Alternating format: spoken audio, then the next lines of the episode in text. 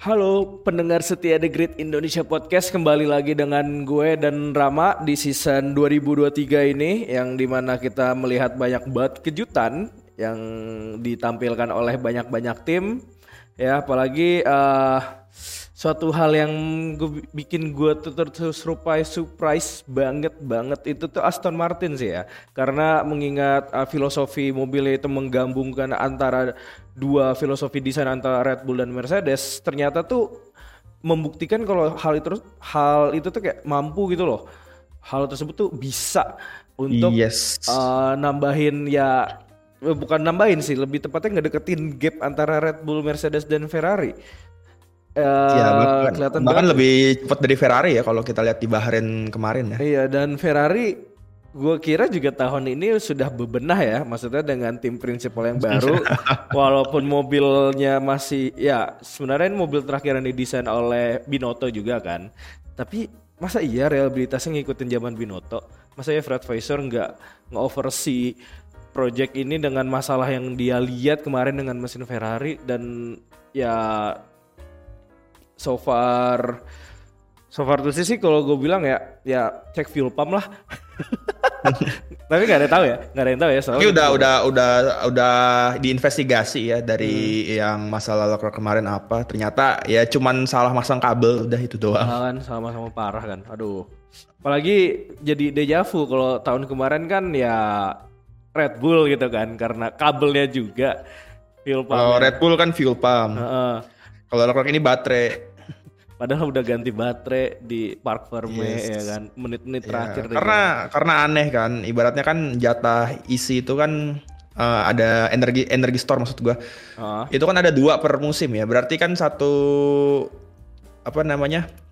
Satu komponen aja kan bisa dipakai buat berapa belas balapan gitu kan. Iya, betul. Uh, uh, sementara ini aja baru race pertama udah ganti dua, berarti kan ada yang salah nih, entah cara masangnya atau gimana. Ternyata uh, mereka salah masangnya. Jadi kabel ibaratnya salah masang kabel yang akhirnya konslet gitu. Tapi pas di investigasi eh, nggak uh, ada masalah sih dari energi store-nya. Jadi mereka kayaknya nggak ngambil penalti di jeda ya. Lucu juga sih kalau ngambil penalti di jeda ya. Baru baru race kedua masa udah ngambil penalti gitu. Ya kalau ngomongin penalti ya mungkin baru race pertama udah 20 detik itu ya kita open lah bahas yang kemarin ya. uh, itu mah nggak usah dibahas lah ya. Tapi pertama-pertama nih yang gue pengen bahas banget ini uh, antara Red Bull dan Ferrari ya untuk hmm. uh, open season ini nih opener season balapan di Bahrain kemarin nih mereka masih hmm. menunjukkan rivalry yang gue bilang tuh masih di papan atas lah. Mercedes tuh kayak masih belum bisa keep up kan. Jadi uh, Ferrari dan Red Bull ini benar-benar uh, masih bisa berkompetisi satu dengan yang lainnya. Walaupun ya Ferrari dengan masalah yang bisa kita lihat tuh secara jelas ya reliabilitas mesinnya dan Red Bull sendiri. Kalau kemarin kan sempat kayak aduh wind tunnel gue kurang. Tapi nggak masalah gue punya Adrian Newey kan. Dan dikiranya itu akan memberikan efek yang signifikan untuk desain mobilnya. Dan ternyata uh tidak sama sekali kawan-kawan sekalian. Kalau menurut lo gimana Ram? Uh, persaingan ketat antara Ferrari dan Red Bull di season ini Jauh sih menurut gue ya, karena uh, sebenarnya mobil dari RB18 sebenarnya itu desainnya udah mateng gitu. Ibaratnya desainnya udah secara desain, hmm. secara mobil, secara whole package itu udah mapan gitu. Jadi mereka tinggal uh, mengembangin aja dari situ. Dan menurut gue dengan adanya penalti di wind tunnel ini nggak begitu ngaruh ke Red Bull seperti yang udah gue bilang waktu itu kan. Hmm. Itu nggak akan terlalu ngaruh, ngaruh sama sekali ke Red Bull karena uh, RB18 ini menurut gue udah apa sih namanya? Udah mapan lah maksudnya udah udah udah apa lagi yang perlu dirubah. Mereka cuma perlu upgrade upgrade doang. Jadi uh, menurut gua di musim ini ya persaingan antara Red Bull dan Ferrari ya sebenarnya belum bisa di apa namanya ya belum bisa dinilai karena ini baru satu balapan juga kan. Ya, kita nggak tahu uh, beberapa race ke depannya bakal gimana. Tapi kalau gue lihat dari sini sih uh, Red Bull ini bisa mendominasi kayak tahun lalu sih sebenarnya ya. Hmm, hmm, hmm. Apalagi uh, kalau kita lihat Ferrari juga sebenarnya kan uh, makin cepat juga kan dibanding musim lalu. Cuman kita nggak tahu problem apa yang bakal mereka hadapi di musim ini, entah uh, problem yang sama atau itu bisa lebih baik itu dari sisi strategi dan juga um, reliabilitas ya menurut gua kalau misalkan Ferrari udah menyelesaikan itu semua mereka bisa bersaing bisa aja bersaing dengan Red Bull dengan catatan mereka harus bawa upgrade buat mobilnya gitu sih. Iya dan kalau gue bilang juga mental pengendaranya juga harus di upgrade juga sih. Gue ngeliat Iya. beberapa kali Charles Leclerc itu di turn pertama selalu dia lock up yang di mana ngabisin masa bannya terus kan. Dan di sirkuit itu kan panas ya? High degradation banget kan kalau Iya, kita lihat dari statistiknya kemarin kan. Apalagi McLaren sampai tujuh kali pit stop McLaren tuh tujuh kali karena mereka ada apa kekurangan gas-gas gitu ah Jadi hidrolik cairan hidrolik Ah, kalau nggak salah Iya, jadi mereka ngisi terus. Jadi ya udahlah mereka kayak ngambil data aja gitu. Iya, Ciri khas McLaren kalau emang lu nggak bisa keep up, udahlah lu muter-muter aja ambil data. iya saya ya kejadian nih sama Ricardo tahun lalu juga sih iya, Ricardo tahun lalu juga gitu. Tapi kesimpulan yang gue ambil sih emang gue bilang ya sebenarnya Ferrari bisa uh, ngerebut juara dunia ya untuk konstruktor maupun dari driver. Ya walaupun driver agak susah juga meng- uh, mengenali Leclerc bakal ngadepin Verstappen yang di mana ya Verstappen udah cepet banget banget banget. Ya, men- ya menurut gua eh, untuk performanya Verstappen di dua musim, tiga musim terakhir bahkan ya dari 2021. Ini tuh udah apa ya? Ini tuh lagi di peak-peak performance-nya si Verstappen sih, lagi di puncak. Sementara eh gua nggak yakin eh, Leclerc punya eh, kemampuan buat ngalahin Verstappen kalau misalkan dikasih mobil yang sama. Tapi yang jelas eh kalau untuk menyulitkan mungkin masih bisa ya kalau untuk Leclerc dan Ferrari gitu.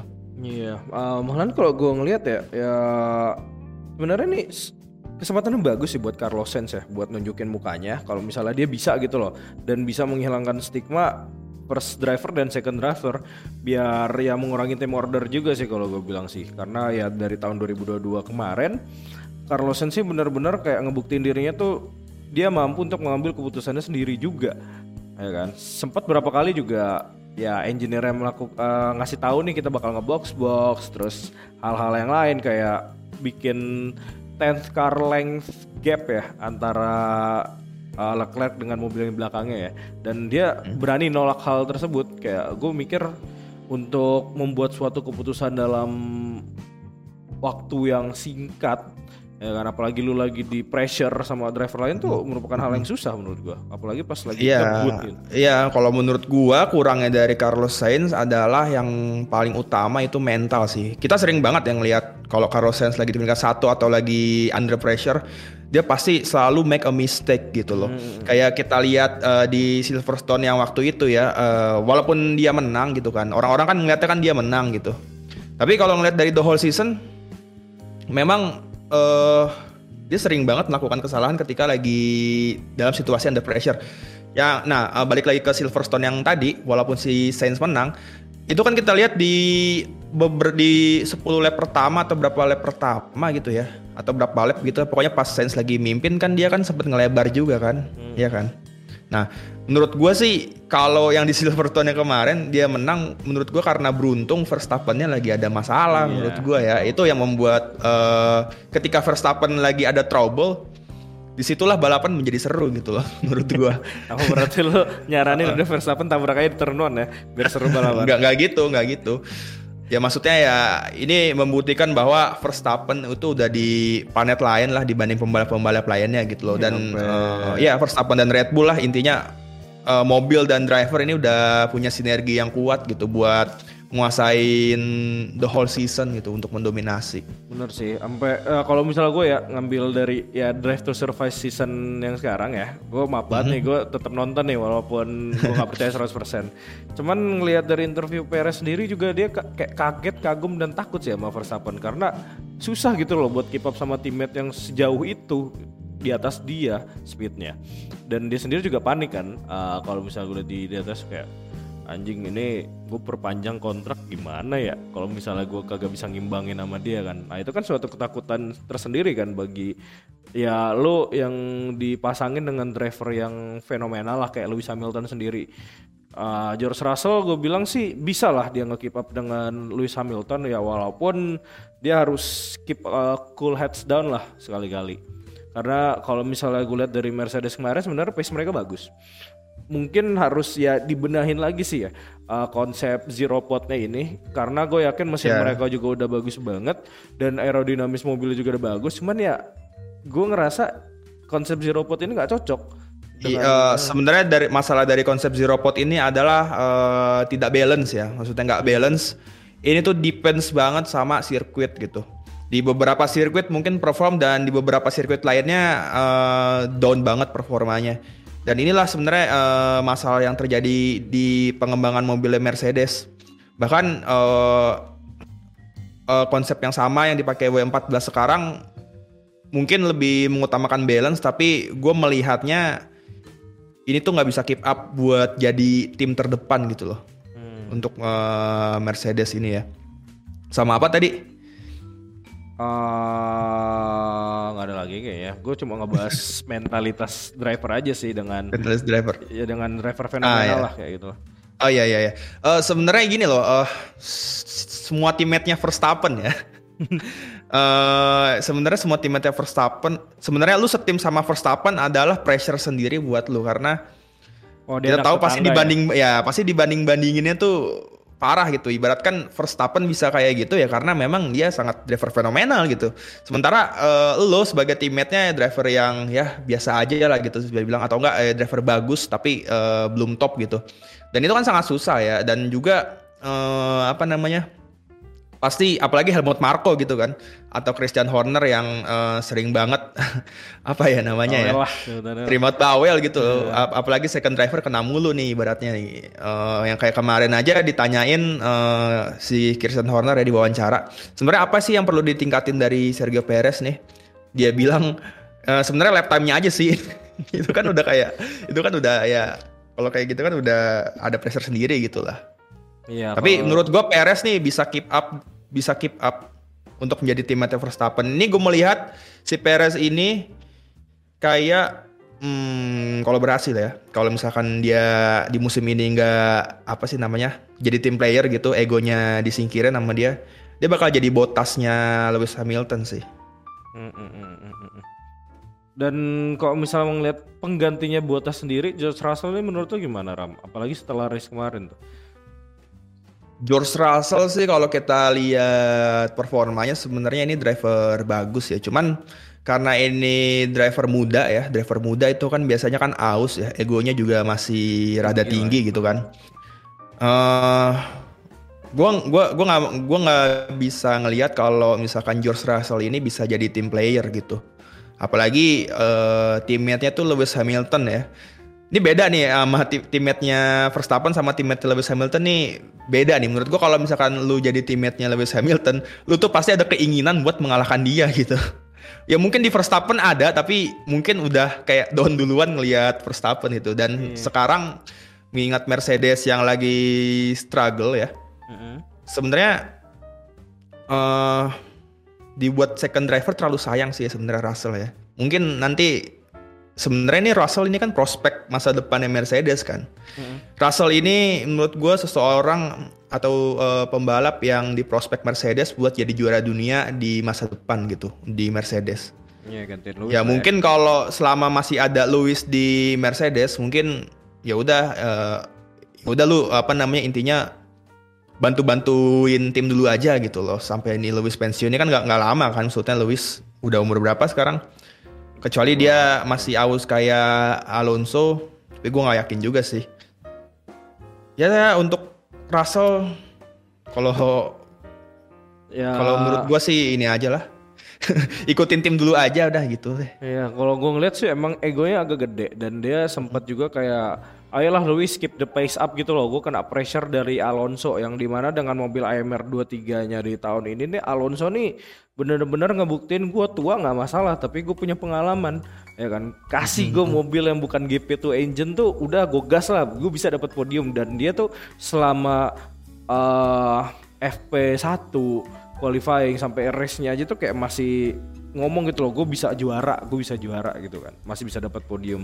Ini menarik banget soalnya gol misal kita bahas Aston Martin ya dia tuh berhasil mengembangkan atau mengkombinasikan dua desain yaitu mobil Red Bull dan mobil Mercedes tuh kayak dikombinasiin gitu loh. Tapi dalam hal ya kita nggak ngambil yang buruknya gitu loh. Kita cocok-cocokin positifnya ini bisa nggak nih PNP gitu loh plug and play antara kedua desain ini. Dan mereka ambil bisa kalau gue bilang ya mereka kayak bertaruh banget sih ini mobil bisa balance apa enggak nantinya. Dan gua ngelihat dari performa Alonso sampai dia nih gue kagak pernah denger hal-hal positif dari mulutnya. Ngomong this is a lovely car to drive.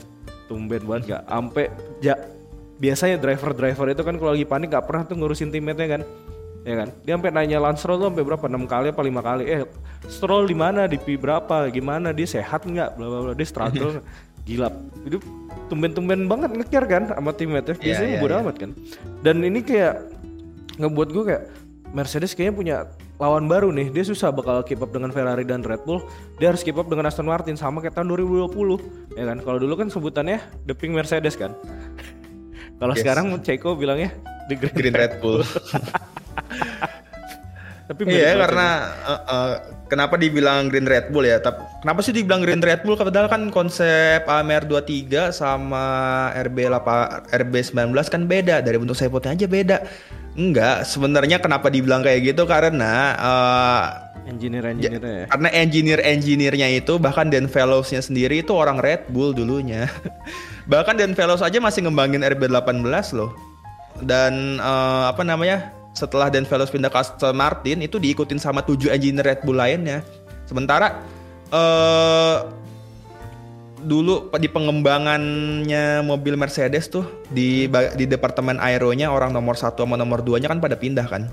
Orang nomor satunya ke Aston Martin, orang nomor duanya itu ke Red Bull kan. Jadi menurut gue itu pukulan telak sih buat Mercedes. Kenapa eh, mereka tuh nggak apa ya nggak nyoba ngebujuk gitu loh untuk eh, orang-orang pentingnya untuk bertahan di tim gitu. Sementara mereka sekarang si Aston Martin kan kita lihat progresnya naik banget kan, nanjak banget kan.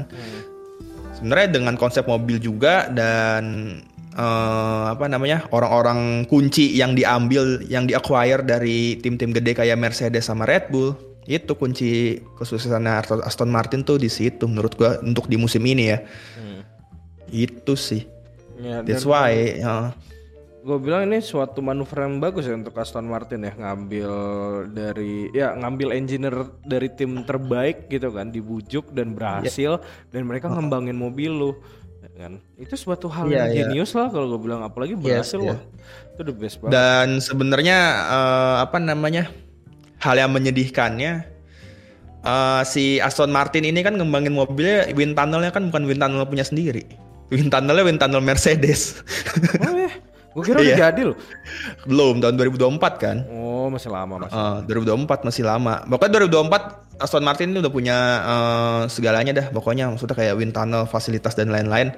2023 ini mereka masih beberapa masih ada yang numpang ke Mercedes sih. Bahkan eh mes, eh, mesi eh, mereka tuh ngambil dari Mercedes mesin sama eh, gearbox sama apa lagi ya gue lupa suspensi suspensi deh kalau nggak salah suspensi depan tuh mereka semua ngambil dari Mercedes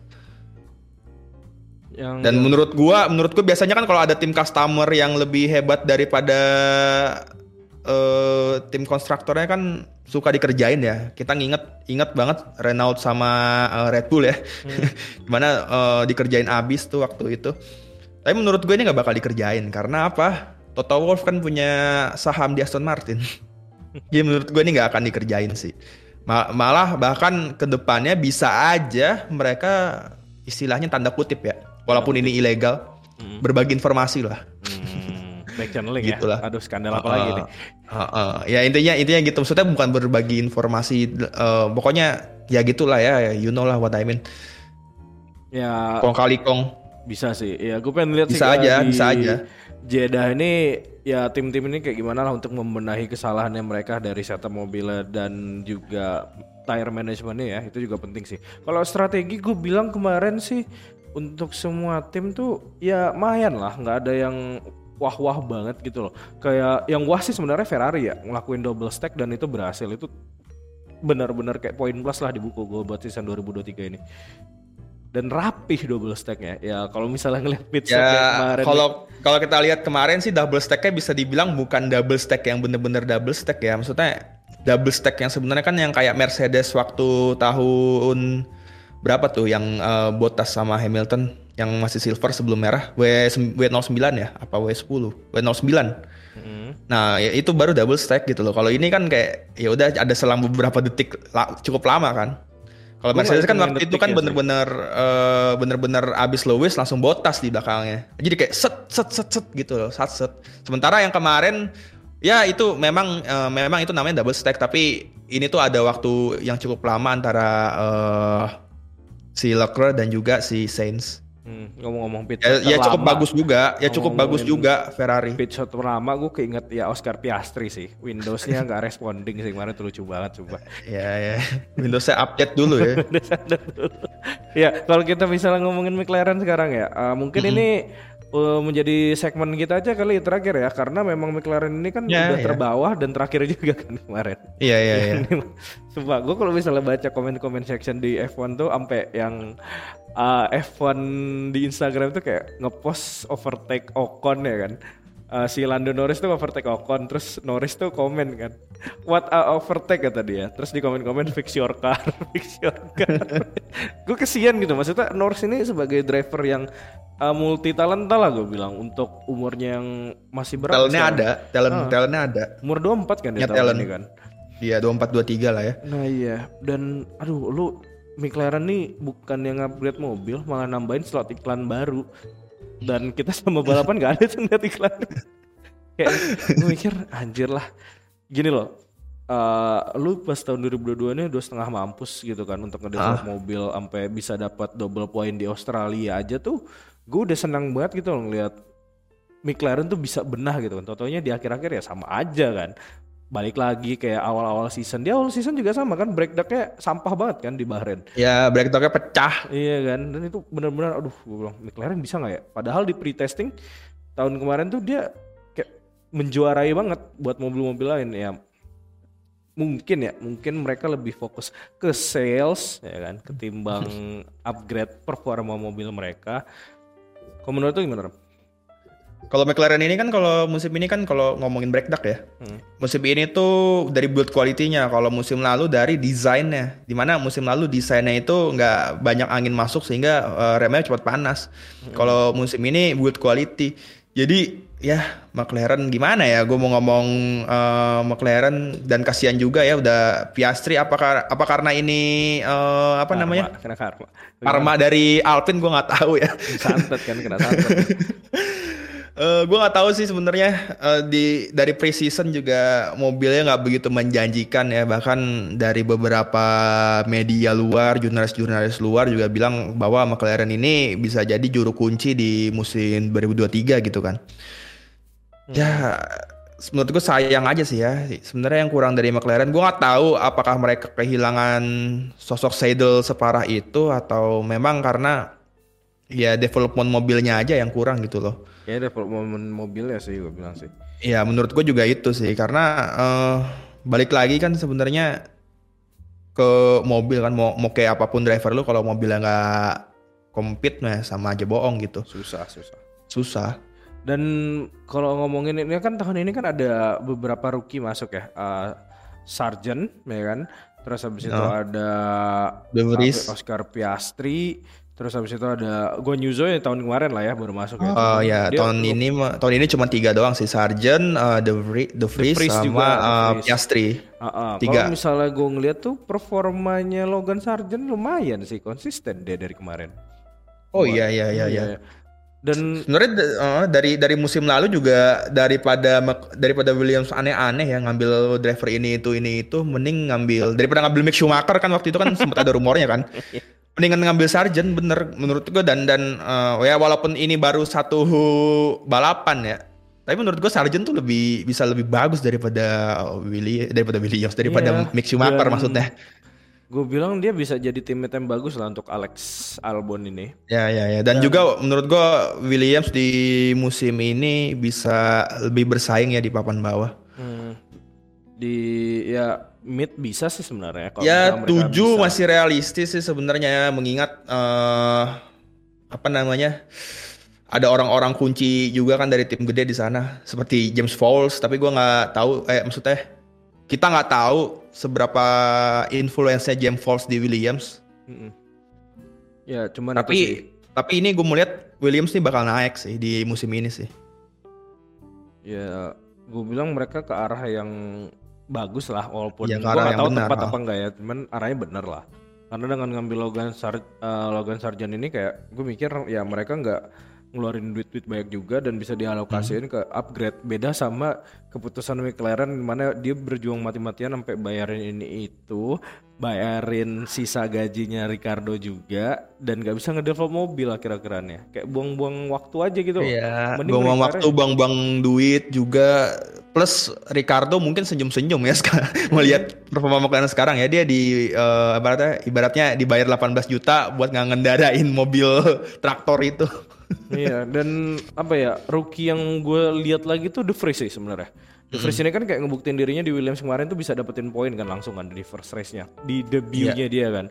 Tapi gue ngelihat di race kemarin tuh dia masih di bawahnya Sunoda banget sih kalau bilang. Ya mungkin ya kalau untuk sebenarnya kalau untuk tiga rookie ini ya The Vries, Piastri dan juga Sargent sebenarnya ini kita kasih waktu dulu lah. Ini kan baru ibaratnya race pertamanya mereka kan. Walaupun The Vries bukan race pertamanya ya maksudnya ini baru musim pertama mereka menjadi full time driver ya kita kasih waktu dulu lah.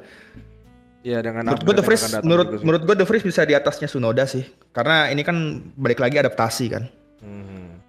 Ya, ya gue setuju sih itu. Emang ya kita lihat aja kali ya di Jeddah untuk uh, performa mereka selanjutnya dan tim-tim lain apakah mereka bisa bebenah strategi maupun ya bak-bak di mobilnya lah biar kagak Windows update lagi kayak Piastri kemarin. ya mungkin itu aja kali ya gue akhirin segmen untuk uh, podcast pertama kita di season 2023. Uh, boleh banget nih kalian yang punya informasi mengenai F1 ataupun uh, hal-hal lain yang berkaitan dengan F1 dan pengen dipublikasiin boleh banget kontak kita di sosial media kita ya. Di Instagram tuh kita ada di The Grid F1 underscore ID dan di Twitter ada boleh? Grid underscore ID. Nah itu kita aktif semua kok. Kita soalnya nggak punya pekerjaan dan kita kesepian banget. Jadi ya kalau misalnya ada sesuatu ya kita langsung postin aja lah. Dan sumber-sumbernya nih insya Allah baik itu terpercaya karena kita ngambil dari sumber luar dan sumbernya juga Dan kita sumber sudah bela-belain eh, langganan media luar yang sangat akurat untuk memberikan kalian info yang terupdate. Nah iya dan, juga kita reliable itu dia. Ah, dan kita akan ngadain noble selanjutnya itu kayaknya setelah puasa sih. Mengingat ya ah, mepet banget ya waktu ah, Nobel ini kan jam 12 malam nggak mungkin juga kan Jeddah kan. Jadi ya langkah terbaik ya mungkin setelah puasa kita bakal adain lagi. Dan bakal ada door prize door prize lain nih buat kalian yang pengen ikutan. Boleh banget nanti dicek cek aja akun-akun kita ya. Nanti kita share posternya dan gue jamin banget ikut Nobel tuh seru asli ngatain lebih enak di situ tapi jangan nyari jodoh di sono susah men sumpah jangan deh apa? Batangan semua. Nggak, nggak batangan. Sebenarnya ada cewek. Cuman kan ya di situ pengen have fun aja lah, pengen enjoy lah. Nggak mau kan kita awkward tiba-tiba kan. Tiba-tiba Ya iyalah, kalau kalau mau nyari jodoh mah bukan Nobel tempatnya Eh, sih. Lu Insta Bumble lah sono lah. Mudah-mudahan lu di like sih. Ya mungkin itu aja dari gua dan Rama. Ram lu ada mau ditambahin lagi ya? Nah, udah itu aja nih udah berapa menit kita? Ah, nggak tahu sih. Ya mungkin kita akhirnya aja eh, sekarang kali ya. Oke, see you in the next race. Bye bye. Thank you so Bye much. bye, thank you.